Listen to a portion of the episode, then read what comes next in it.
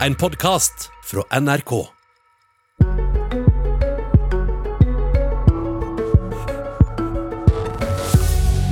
Det er gått 23 dager siden Oslo sendte inn prøve for å finne ut om det muterte viruset er løst. Ennå venter de på svar. God morgen, du hører eller ser på Politisk kvarter, og vi ønsker velmett til byrådsleder i Oslo Raimond Johansen og helseminister Bent Høie. Frykta er altså at det muterte viruset er løst i hele hovedstadsområdet. Men dette er vanskelig å vite, og Raimond Johansen, byrådsleder i Oslo, det venter altså utålmodig på prøvesvar. Forklar meg nå, hvor lenge har det venta? Ja, På noen av de eh, vi har sendt inn fra sykehjemmene, så har vi venta fra 2.1 eh, for å få svar på, på, det. Og dette er jo helt avgjørende for å kunne vite om det muterte viruset er i vilt i Oslo, for å bruke et sånt uttrykk. Så vi er helt avhengig av at dette fungerer for å kunne vurdere om, om og når vi eventuelt kan åpne litt igjen. Hvor tenker du om at det tar så lang tid? Det går jo ikke. Eh, og eh, her må man bruke full kapasitet. Folkehelseinstituttet og det er analyseapparatet som om det er private, universitetssykehusene. Dette må vi bare vite. Eh, alle prøver, alle tester som nå blir sendt inn, må raskt analyseres for at vi kan kartlegge om det muterte viruset befinner seg i hovedstaden. Bent Høie, dette går ikke, sier Raimond Johansen. Hvorfor tek det så lang tid? Hvorfor var vi ikke bedre budde på at disse prøvesvarene må vi analysere raskt? Nei, Jeg er jo helt enig i at dette er det som er veldig krevende akkurat nå. og det er jo også sånn at uh, Folkehelseinstituttet og vi uh, begynte ikke å jobbe med dette når denne situasjonen oppstår når en ble klar over den britiske eh, varianten og at en måtte lete spesielt til den, så starta eh, Folkehelseinstituttet å øke kapasiteten. Så bl.a. den omlegging som de internt har gjort i i eh, testmetoden som de bruker, har økt eh, med betydelig kapasitet. Men det er klart at i en situasjon med mange flere nye prøver og en konsentrasjon om å få analysert prøven for Nordre Follo først, så er det jo sånn dessverre at selv om en jobber her nå døgnet rundt, har økt kapasiteten betydelig, så er det en del prøver som vi gjerne skulle hatt svar på allerede, som vi ikke har fått svar på. Bl.a. de fra Oslo og noen utbrudd ellers i landet. Men Hvorfor er Både Danmark og Storbritannia analyserer disse prøvene raskere og analyserer langt flere prøver enn oss. Ja, det, Hvorfor det? det? Ja, det er sånn at I Europa så er det Norge, Danmark, eh, Storbritannia og Island som er best i klassen på dette. Så er de bedre enn oss. Men denne, Ganske ja, mye bedre enn ja, oss. Men den diskusjonen som vi har nå, den hadde de òg i Danmark. Eh, fordi at det, det tok òg lang tid i Danmark. Alle sammenligner med Danmark og ser på andelen prøver som blir analysert. Men tiden det tok, var òg en stor utfordring i Danmark. Så har de nå lagt om til det som heter PCR-deltatest, som gjør at du ved den første positive prøven kan få en indikasjon på om det er den, denne varianten. Ikke et konkret svar, men en indikasjon. Det er en omlegging som òg en jobber med, og har jobba med før, altså starta å jobbe med, òg eh, i Norge knytta til dette. Er du nøyd med at vi er nummer tre? Jeg opplever at vi må få en forsikring. Eh, og eh, assisterende helsedirektør sa på morgendag at vi skal vet mer om det er en villsmitte av dette viruset i løpet av uken.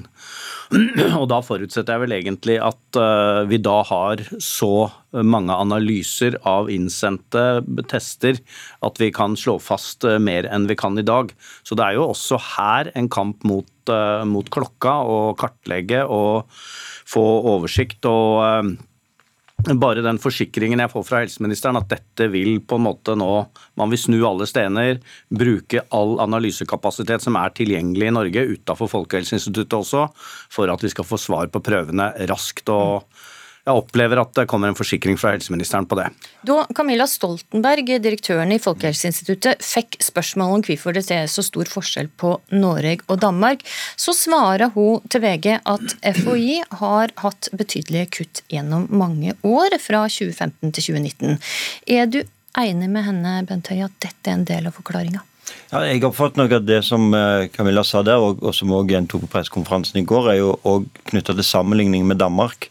Og Poenget var at i Danmark så har det danske søsterorganisasjonen DFI fått ganske store, betydelige bidrag fra eh, eksterne fond for å nettopp eh, ha kapasitet på dette området av helt andre årsaker enn pandemiovervåkning. Eh, og så er det jo sånn at Noe av de kravene til effektivisering som FHI har hatt, har jo nettopp bidratt til at FHI eh, i 2019 la om sin laboratorieaktivitet og gjorde den mye mer automatisert, som har bidratt til å ha en betydelig høyere kapasitet på laboratoriet der enn det som var tidligere. Nå skjønte jeg ikke helt hva du svarte, egentlig. Svarte du at du er enig med at disse kutta kan ha fått konsekvenser for hvor raskt de klarer å analysere prøver, eller ikke? Nei, egentlig så mener jeg at det, det som her handler om, det var sammenligning med Danmark, så jeg har nok forstått den uttalelsen litt annerledes enn deg. Men tror du at kutta kan ha fått konsekvenser for hvor raskt man analyserer disse prøvene?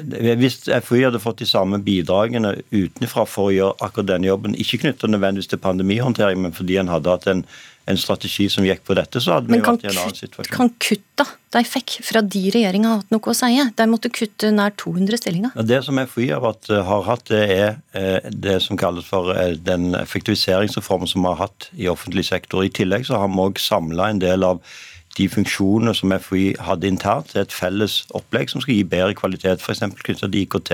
Men jeg tror ikke det er på en måte hovedforklaringen på den situasjonen vi er. Og, og som jeg sa, Norge er da blant de landene i Europa som allerede er best på dette. Så, så her, men her må okay, vi eskalere opp. Du tror ikke det er hovedforklaringa. Uh, Raymond Hansen, din partileder sier at vi nå betaler en høy pris for de kutta i løyvingene som, til Folkeinstituttet som regjeringa gjorde.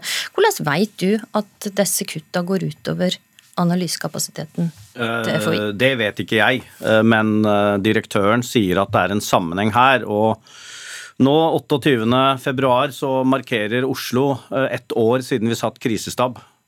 Eh, dette har eh, ridd hele Norge, hele Europa, hele verden i lang tid. og Utfordringer knytta til mutering av viruset er jo en problem som har vært der hele tiden. Så jeg tror det er viktig nå at dette dette på en måte blir ugjendrivelig eh, sagt tilbake at det er ingen sammenheng her. fordi det kan ikke stå på penger. Når vi stenger ned hele samfunnet med de enorme konsekvensene, så kan det ikke stå på penger på analyse. Men det er vel ingen som tror at det står på penger nå? Nei, det er det ikke. Det, det, er verdt å minne om at Arbeiderpartiet sine alternative budsjett, hvis det på en måte historien her ønsker å diskutere, hadde større kutt FHI enn det som lå fra regjeringens side. Okay. Vi legger den ballen død, og så går vi videre til uh, grensekontroll. For Raymond Johansen, du mener at de nå må avgrense internasjonale reiser for å begrense importsmitta. Hva konkret er det du mener regjeringa må gjøre? Nei, uh, det er sakte, men sikkert så er det bedre grensekontroll enn det har vært. Det er registrering på en bedre måte. Men fortsatt så mener jeg at det i altfor stor grad er flyselskapene selv som bestemmer hvilke eh, fly som skal kunne komme til eh, Norge. Og vi hadde gjennom helga en masse fly som kom fra mange røde land med høy smitte. Og jeg er urolig for det. Delvis fordi at eh, det meste av smitten først er jo importert, og ikke minst den britiske muterte varianten vi har nå. Så er det jo en gigantisk kommunikasjonsjobb. Og så Vi stenger ned hele hovedstaden. Vi har hatt sosial nedstenging siden 1.11. Og hvis man da opplever at man gjør veldig mye, og at det fortsatt er en høy risiko for at man ikke har god nok kontroll på importsmitte. Det gjelder karanteneregler, det gjelder karantenehotell, det gjelder en oversikt i kommunene over hvem som faktisk kommer. Så ja, færre fly, være restriktive, nekte også fly fra enkelte land å komme i denne perioden vi er i nå, eh, er eh, viktige tiltak. Vil du vurdere å nekte innreise fra noen land? Det var jo dette vi grep det aller først. Når vi fikk vite om det britiske mutasjonen, så stanset Norge flyginger fra UK. og Det var til og med fly som var i luften, som måtte snu og, og fly tilbake. Eh, så, for det var jo at Vi måtte gjøre det for å få oversikt over situasjonen. Og Så vurderer jo da våre fagmyndigheter hva er det som er på en måte den beste måten å kontrollere dette på. Og Nå er vi jo i en situasjon der, eh, der vi i realiteten tror at dette viruset har spredt seg til veldig mange andre land som ikke driver den type overvåking som Norge, og Storbritannia og Danmark gjør. Eh, og Derfor så er det jo de generelle betydelige innstrammingene som vi har gjort siden dette ble kjent, som er hovedvirkemidlet vi har for å redusere risikoen for import av dette mutasjonen. Det, jeg er helt enig med Raimund at dette er en kommunikasjonsmessig utfordring. og Derfor er det også viktig å få fram til det norske folk at Norge er det landet i Europa som har ligget på topp av strenge tiltak knytta til innreise gjennom hele pandemien. Og Det er sannsynligvis en av årsakene til at vi har hatt lavere smitte enn en del andre land. Og Derfor er det viktig å få fram at ja, vi har gjort en prioritering som er helt i tråd med det Raymond sier. Vi har prioritert strengere er... tiltak mot importsmitte for å kunne ha et lavere tiltaksnivå nasjonalt. Vi er blant de strengeste i Europa. Hvorfor heller ikke det for det, Raymond Jansson? Nei, altså, det er, det er, bra det, eh, at vi er strenge. Og min mening er jo ikke å skape unødvendig frykt. Min eh, Min mening er å få en forsikring om at vi har gjort alt vi kan for å hindre importsmitte. Jeg er klar over at eh, norsk arbeidsliv er fullstendig avhengig av importert arbeidskraft, men i denne situasjonen vi er nå, så mener jeg de unntaksbestemmelsene som er der, må ses gjennom en gang til. Og Sverige har jo nå stengt grensene til Norge, da. Og eh, Sverige har vel ikke vært av de tøffeste i, i, klassen her. Så det er denne uroen vi har, ikke minst i hovedstadsområdet med så mange mennesker. Er det egentlig god nok kontroll? Og den beste kontrollen vi kan ha nå, er faktisk at nesten grensen er stengt i en kort periode for å vite at vi, samtidig med tiltakene vi gjør lokalt, som er det viktigste, jeg er enig med helseministeren i det, det må vite aktuelt? at det ikke kommer inn. Ja, altså, kan det bli aktuelt å stenge altså, grensene, slik Sverige har gjort til både Storbritannia og Danmark, og nå også Norge? Ja, Sverige har jo nå innført de samme reglene mot Norge Sverige og Storbritannia som Norge har mot alle. Eh, og vi har jo strengere regler tross alt enn Sverige på dette området har hatt det hele veien. Sånn at Når en bruker overskriften 'steng grensen', så er egentlig overskriften at Norge har hatt stengte grenser hele veien. Og så er diskusjonen hvilke unntak vi skal ha for de strenge grensene, og, det, og hvilke kontrollsystemer vi skal ha. Det er jeg helt enig med Raymond. og Derfor jobbes det kontinuerlig det med å gå igjennom og stramme inn på de. og Her har vi jo nå stramma inn senest i midnatt i natt ble det betydelige innstramminger igjen på dette området. Ok, Vi går over til å snakke om vaksinestrategi. For eh, Raymond Johansen, hva mener du er den mest rettferdige fordelinga av vaksiner nå? Uh, den mest rettferdige og letteste og viktigste å kommunisere er at det er mest vaksiner i de områdene som nå er hardest utsatt. Eh, FHI og Folkehelseinstituttet er ikke enige med det. Altså, vil ikke følge rådet? Folkehelseinstituttet hadde jo også dette som en mulig del av sin strategi. Og jeg er enig i det at det er de menneskene som er mest utsatt for eh, å bli veldig syke, som skal bli vaksinert først.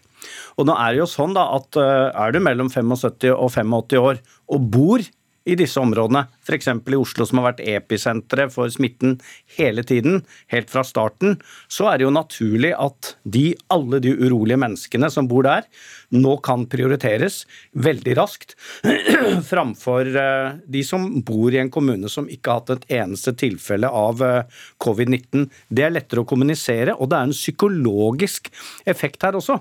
Vi må huske på det at vi nå har stengt ned byen, og ytterligere gjør det å ha en håndstrekning til de områdene nå og si ja, vi forstår deres bekymring. Vi vil nå, selv om antallet vaksinedoser er det som gjelder, så vil vi nå komme litt til unnsetning og vaksinere, intensivere vaksinasjonen i disse områdene her. Bent Høie, hvorfor er det rettferdig å sende vaksiner til kommuner som ennå ikke har hatt et eneste smittetilfelle, når hovedstadsområdet er stengt ned på tredje måned. Jeg forstår at for Raymond som har hovedansvar for Oslo, så hadde dette vært lettere å kommunisere. Men for meg som har hovedansvar for hele landet, så er det ikke nødvendigvis sånn. For Det er klart at det, det som en her tar til orde for, det er å da eh, ta vekk beskyttelsen. Er mange i eh, veldig høy risiko i kommuner som har og veldig høy sannsynlighet for å få store utbrudd. For denne vaksinen gir ikke beskyttelse fullverdig før om en måned. Og Det eh, betyr at hvis vi gjør den type prioriteringer, og dette vurderer vi hvert eneste døgn nesten nå, så betyr det at da tar vi vekk beskyttelsen fra andre. og Da må vi òg eh, klare å stå i en diskusjon der andre kommuner som får utbrudd, opplever at deres eldre, deres syke, ikke har fått den beskyttelsen. Står du for det, Raymond Jansen, å skulle ta bort beskyttelsen til eh, syke i Finnmark f.eks.? Det er andre kommuner også som er i smitte, men det er i hvert fall noe vi kan slå helt tydelig fast. er jo at uh, der den byen som jeg leder, har vært episenteret hele tiden. Og jeg må si det at jeg får en massiv støtte for dette rundt også av mindre kommuner og andre kommuner rundt i landet, om at det nå burde gjøres en en eh, noe strammere prioritering, så vet jeg at det er antall vaksinedoser som kommer inn i landet som er det aller viktigste. Men jeg tror ikke du skal se bort fra den psykologiske viktige virkningen av de som er mellom 75 og 85 år, som bor i Oslo, føler seg mye mer utsatt og fare for okay. å bli smitta enn andre 75 og 85 år. Da fikk du faktisk eh, siste ord, eh, Raymond Johansen og Bent Høie. Takk for at det kom til Politisk kvarter, som denne morgenen var ved Astrid Randen.